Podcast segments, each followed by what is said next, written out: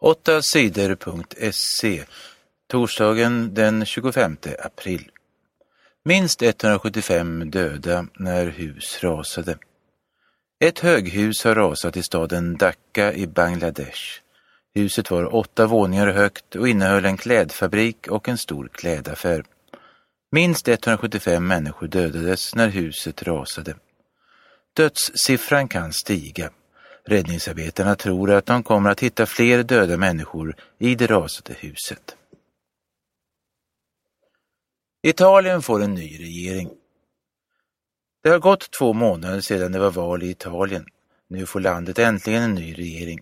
På onsdagen utsågs 46-årige Enrico Letta till landets pre nye premiärminister. Nu ska han bilda en ny regering. Enrico Letta är med i partiet PD, det är Italiens största vänsterparti. Han har förut varit med i partiet Kristdemokraterna. Enrico Letta säger att Italien ska ändra den ekonomiska politiken. Landet ska spara mindre och försöka få fart på ekonomin. Politiker från flera partier ska vara med i Italiens nya regering. 8 sidor TT. Ny tysk jätteskräll i Champions League. I tisdags vann Bayern München med 4-0 mot Barcelona i den första semifinalen i Champions League i fotboll. Igår onsdag kom nästa tyska jätteskräll. Dortmund slog Real Madrid med 4-1. Dortmund bjöd världens fotbollsälskare på en fantastisk fotbollsfest. Laget spelade med fart, kraft och fantasi. Real Madrid hittade inget sätt att stoppa de blixtsnabba tyska anfallen.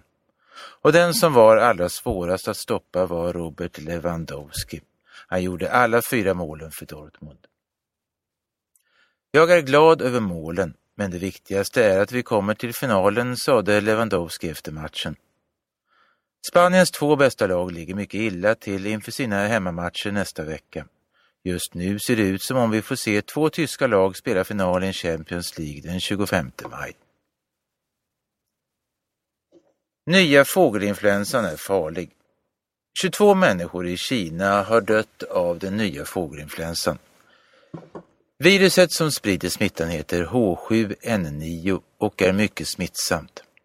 Experterna på Världshälsoorganisationen WHO säger att det nya viruset är ett av de farligaste som funnits. 20 av de 108 som smittats har dött.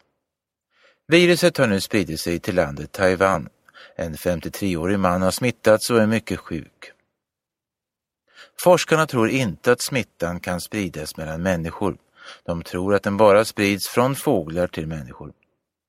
Men den nya fågelinfluensan är inte lika farlig som den influensa som härjade år 2001. Inga lektioner i danska skolor. I en månad har danska elever inte fått någon undervisning. Lärarna är missnöjda med sina löner. De vill ha mer betalt. Det är staten och kommunerna som betalar lärarens, lär, lärarnas lön. De vill inte gå med på lärarnas krav. Istället har de förbjudit lärarna att jobba och betalar ingen lön. Fler än 600 000 elever har blivit utan undervisning. För de som går sista året kan det bli problem att klara slutbetygen.